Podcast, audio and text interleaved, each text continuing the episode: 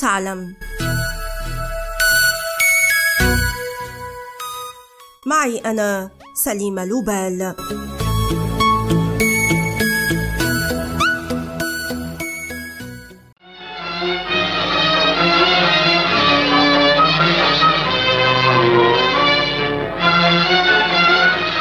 أجمل الثياب وأكثرها نعومة مصنوعة من القطن.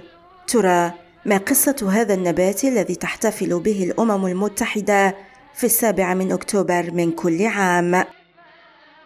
اكتشف القطن صدفة شمالي الهند ما بين ستة آلاف وخمسة آلاف عام قبل الميلاد ومنذ ذلك الوقت بدأت زراعة هذه المادة الطبيعية بهدف صناعة الملابس التي لاحظ ألكسندر الأكبر ملك مقدونيا جودتها مقارنة بملابس الكتان والصوف فجلب حبوب القطن وزرعها في اليونان لكن المحصول لم يكن غزيرا فتخلى عن الفكرة إلى حين. وفي غضون ذلك ازدهرت زراعة القطن في مصر والجزائر.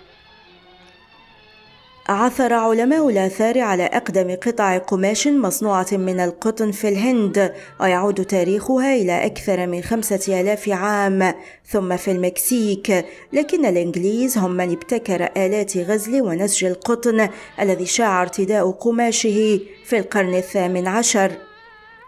حين زاد الطلب على القطن الهندي اضطر الإنجليز لتطوير زراعته في مستعمراتهم الأمريكية. ومن هنا بدأ استعباد الأفارقة في هذه الزراعة.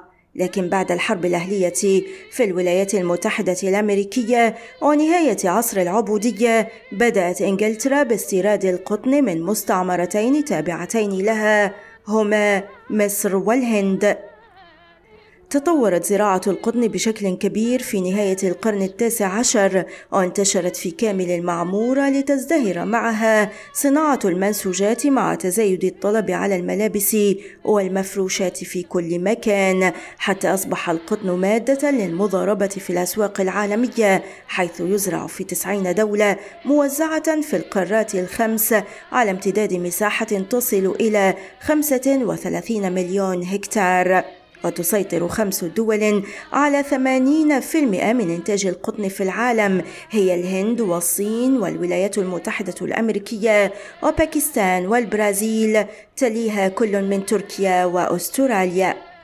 تحتاج زراعة القطن إلى الكثير من الماء ويميز أهل القطاع العديد من الأنواع بينها القطن الهندي ويتميز بأليافه القصيرة والسميكة والقطن المصري الذي يعتبر الأجود عالميا ويتميز بأليافه الطويلة والناعمة والقطن الأمريكي الذي يمثل 85% من الإنتاج العالمي.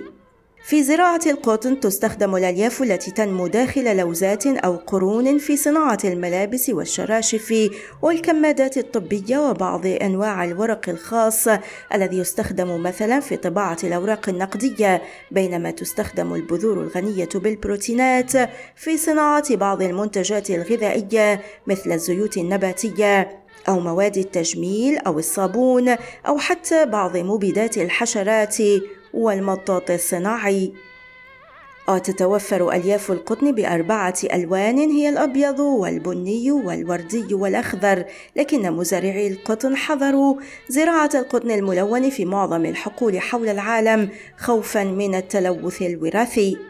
ووفق تقرير أعده مكتب الدراسات البريطاني تكنافيو يتوقع أن يصل حجم سوق القطن إلى نحو خمسة مليارات وستمائة مليون دولار في غضون 2025 مع نسبة نمو سنوي تصل إلى 3% وسط مخاوف من أن يؤثر الاستهلاك المتزايد للماء وتلوث المياه الجوفية على هذا النمو.